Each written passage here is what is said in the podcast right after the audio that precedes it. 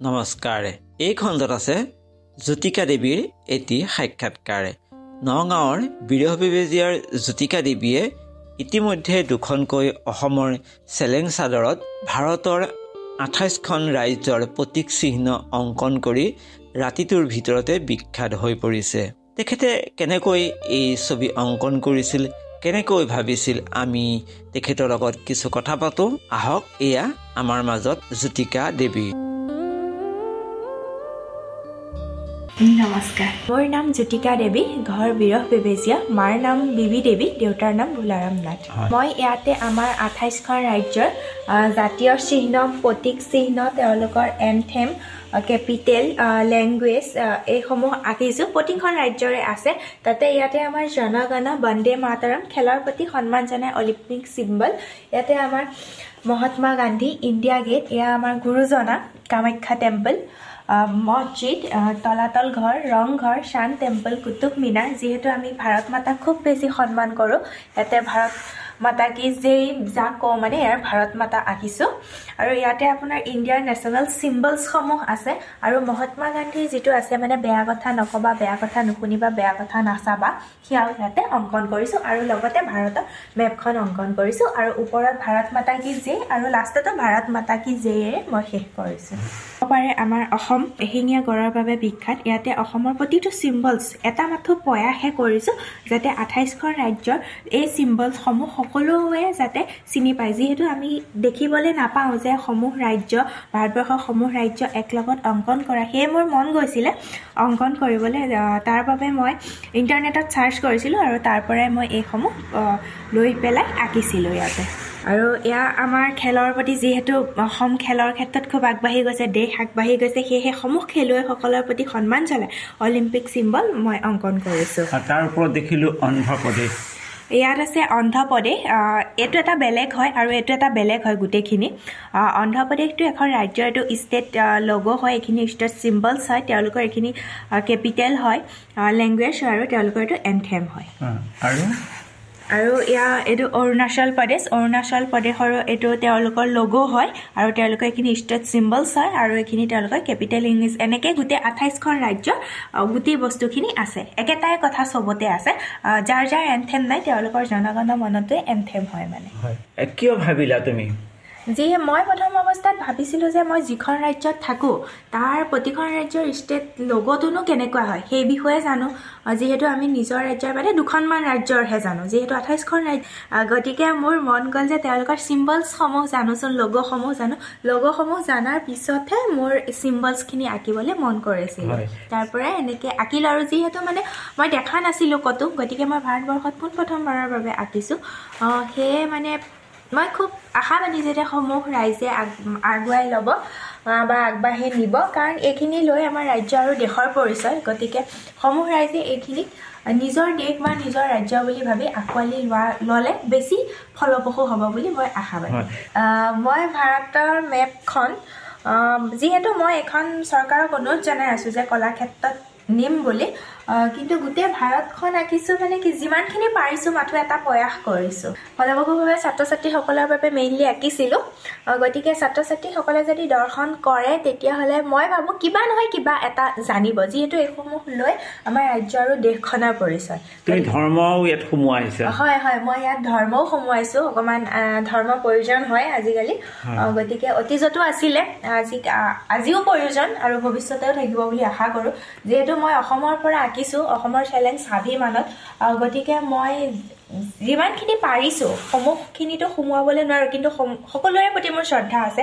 যিমানখিনি পাৰিছোঁ মেইনলি আমাৰ গুৰুজনা অসমৰ মহাপুৰুষ শ্ৰীমন্ত শংকৰদেৱ ইপিনে কামাখ্যা টেম্পল আৰু আমি যিহেতু হিন্দু কি মুছলমান একে আল্লাৰ সন্তান। সেই বুলি ভাবি ইয়াতে মই মছজিদো আঁকিছোঁ। হয়। এতিয়া তুমি প্ৰথমতে কি ছবি আঁকিছিলা বাৰু এই চেলেংখনত? এই চেলেংখনত প্ৰথমতে মই ভাৰত মাতা কি জেয়ে আৰম্ভ কৰিছিলোঁ তাৰপিছতে মই ইণ্ডিয়া মেপ আঁকিছিলোঁ। যিহেতু মই জেগাটো চাবলগীয়া হৈছিল যে কোনফালে কি আঁতিব নাতিব তাৰপিছতহে মই এইখিনি দ ইয়াৰ কাৰণে তুমি কি অধ্যয়ন কৰিবলগীয়া হৈছিলে? ইয়াৰ কাৰণে মই গুগলে বেছিভাগ চাৰ্চ কৰিছিলোঁ গুগলতে গোটেই বস্তুখিনি। যিহেতু আজিকালি ইণ্টাৰনেটৰ খুব সুবিধা হৈছে মই ইণ্টাৰনেটৰ পৰা এই গোটেই বস্তুখিনি আয়ত্ব কৰিছিলোঁ। হয়। আৰু তাৰপিছত তুমি চেলেঙত যে বাচিম বুলি ভাবিলা কাৰণটো? কাৰণটো হৈছে যে চেলেংখন মই মই মানে এবাৰ এজনী ছোৱালীক সুধিছিলোঁ যে তুমি আমাৰ চেলেংখন চিনি পোৱা নে? তাই আছিলে অৰুণাচলত তাই কৈছে নাই চিনি নাপাওঁ। তো তেতিয়া মোৰ খুব দুখ লাগিছিল যে আমাৰ চেলেংখন বহুতে চিনি নাপায়। গামোচাখন যিহেতু দেখিয়ে থাকে গতিকে চবৰে চিনাকি হৈ গৈছে।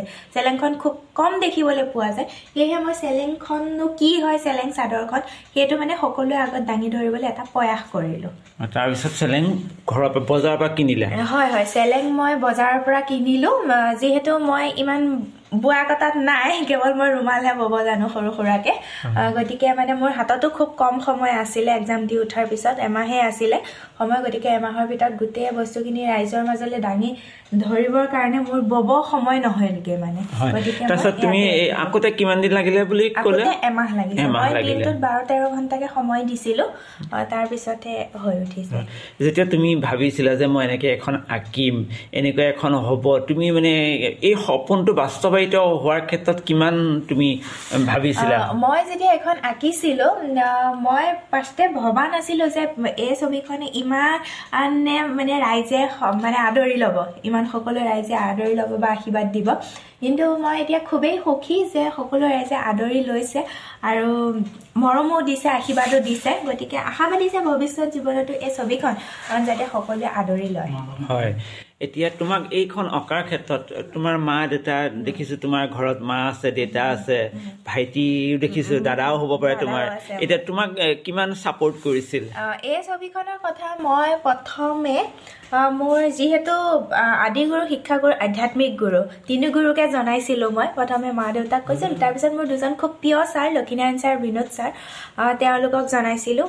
বিজু ছাৰ বুলি এজন ছাৰ আছিলে তেওঁক জনাইছিলোঁ। আৰু ইয়াতে তাৰপিছতে ভগৱানক সাক্ষী কৰিছিলোঁ আৰু ইয়াতে মোৰ খুব খুব সহায় কৰিছিলে হাইদৰ।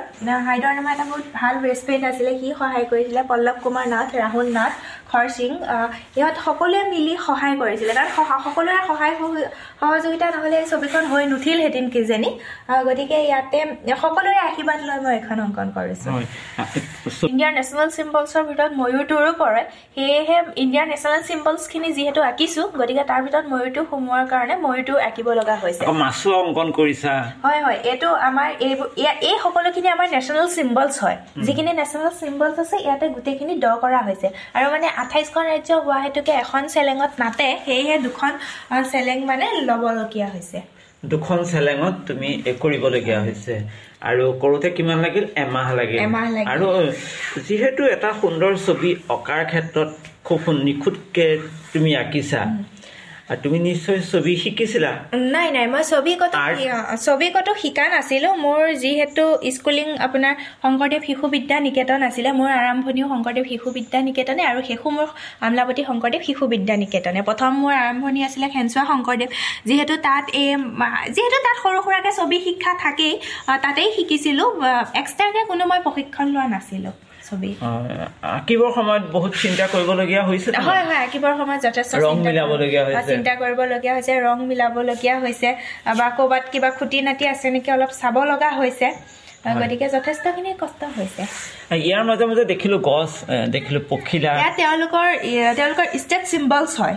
ইয়াৰ গছ বা আমাৰ যেনেকে এয়া কপৌ ফুল হয় তেওঁলোকৰ তেনেকে এইসমূহ তেওঁলোকৰ ষ্টেট চিম্বলছ হয়। তেওঁলোকৰ ৰাজ্যই যদি দেখা পায় এইসমূহ নিজে নিজে চিনি পাব।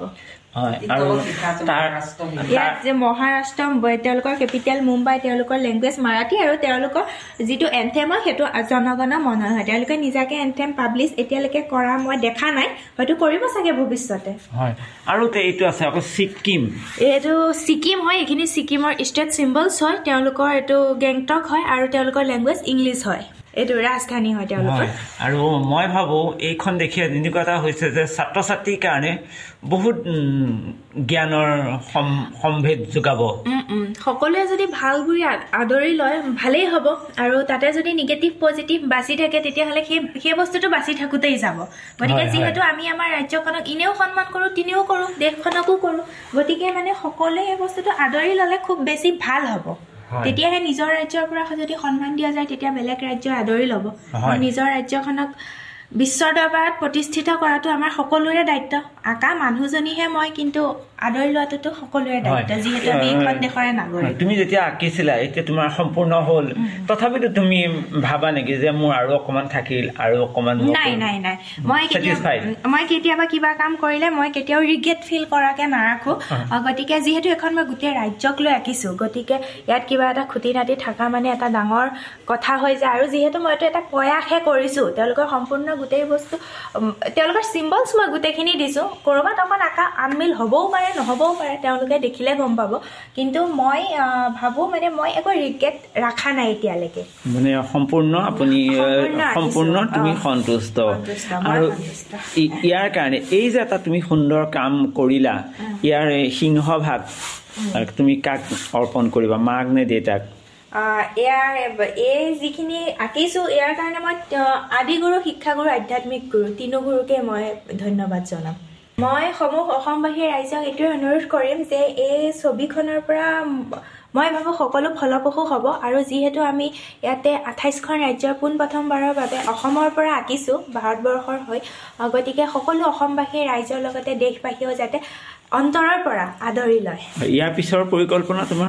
ইয়াৰ পিছৰ পৰিকল্পনা এতিয়ালৈকে ইমান ভবা নাই। হয়তো সকলোৰে যদি মৰম আৰু আশীৰ্বাদ পাওঁ সাহস পাওঁ তেতিয়াহ'লে ভৱিষ্যতে আৰু কিবা কৰি যাম বুলি। এইখন দেখি এনেকুৱা লাগিছে তুমি তোমাৰ খুব তুমি বিশেষ অভিজ্ঞ। আৰু তুমি খুব ভাল কাম ইয়াতকৈ গধুৰ কাম তুমি কৰিব পাৰিবা।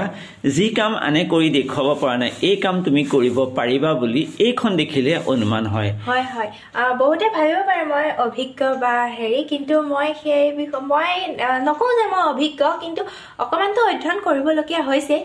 কিন্তু এইখিনি সম্পূৰ্ণ হৈছে কেৱল সকলোৰে আশীৰ্বাদ আৰু মৰমৰ হয়। আমি আশা ৰাখিছোঁ ইয়াৰ পিছত আৰু সুন্দৰ ছবি তুমি দৰ্শকৰ আগলৈ দাঙি ধৰিবা। যিখিনি তুমি ক'লা যে চেলেংখন মানুহে চিনি নাপায় এই চেলেঙৰ দৰে আৰু আমাৰ বহুত লুপ্ত প্ৰায় ঐতিহ্য সোমাই আছে সেইখিনিও তুমি দাঙি আনিবলৈ যত্ন কৰিবা। এইটো কথা ভাল লাগিল যে তুমি চেলেঙৰ কথা ভাবিলা। অৰুণাচলৰ ছোৱালীগৰাকীয়ে ক'লে যে চেলেংখন চিনি নাপায়। সেইটোৱে তুমি অভিভূত হ'লা। হৈ পেলাই তুমি চেলেঙতে ছবি আঁকিবলৈ ধৰিলা। এইটো বৰ ভাল কথা। আমি দেশ মাতৃৰ কাৰণে নিজৰ দেশৰ কাৰণে ৰাজ্যৰ কাৰণে আমি বহুত কৰিবলগীয়া আছে। তুমি এটা ভাল কাম কৰিলা আৰু কৰিবলগীয়া আছে এইখিনি কৰিবা বুলি আমাৰ আশা থাকিল। আপোনালোকৰ মৰম আৰু আশীৰ্বাদে যাতে আগুৱাই নিয়ে সেই সকলোৰ পৰা মই আন্তৰিক আপোনালোকৰ আশীৰ্বাদ আৰু মৰম বিচাৰিছোঁ। হয়। আজিৰ খণ্ডত আমি জ্যোতিকা দেৱীৰ লগত হোৱা কথা বতৰা আপোনালোকলৈ আগবঢ়ালোঁ। নগাঁও বিৰহ বেবেজীয়াৰ জ্যোতিকা দেৱীয়ে ইতিমধ্যে দুখনকৈ চেলেং চাদৰত ভাৰতৰ আঠাইছখন ৰাজ্যৰ প্ৰতীক চিহ্ন অংকন কৰি ৰাতিটোৰ ভিতৰতে বিখ্যাত হৈ পৰিছিল।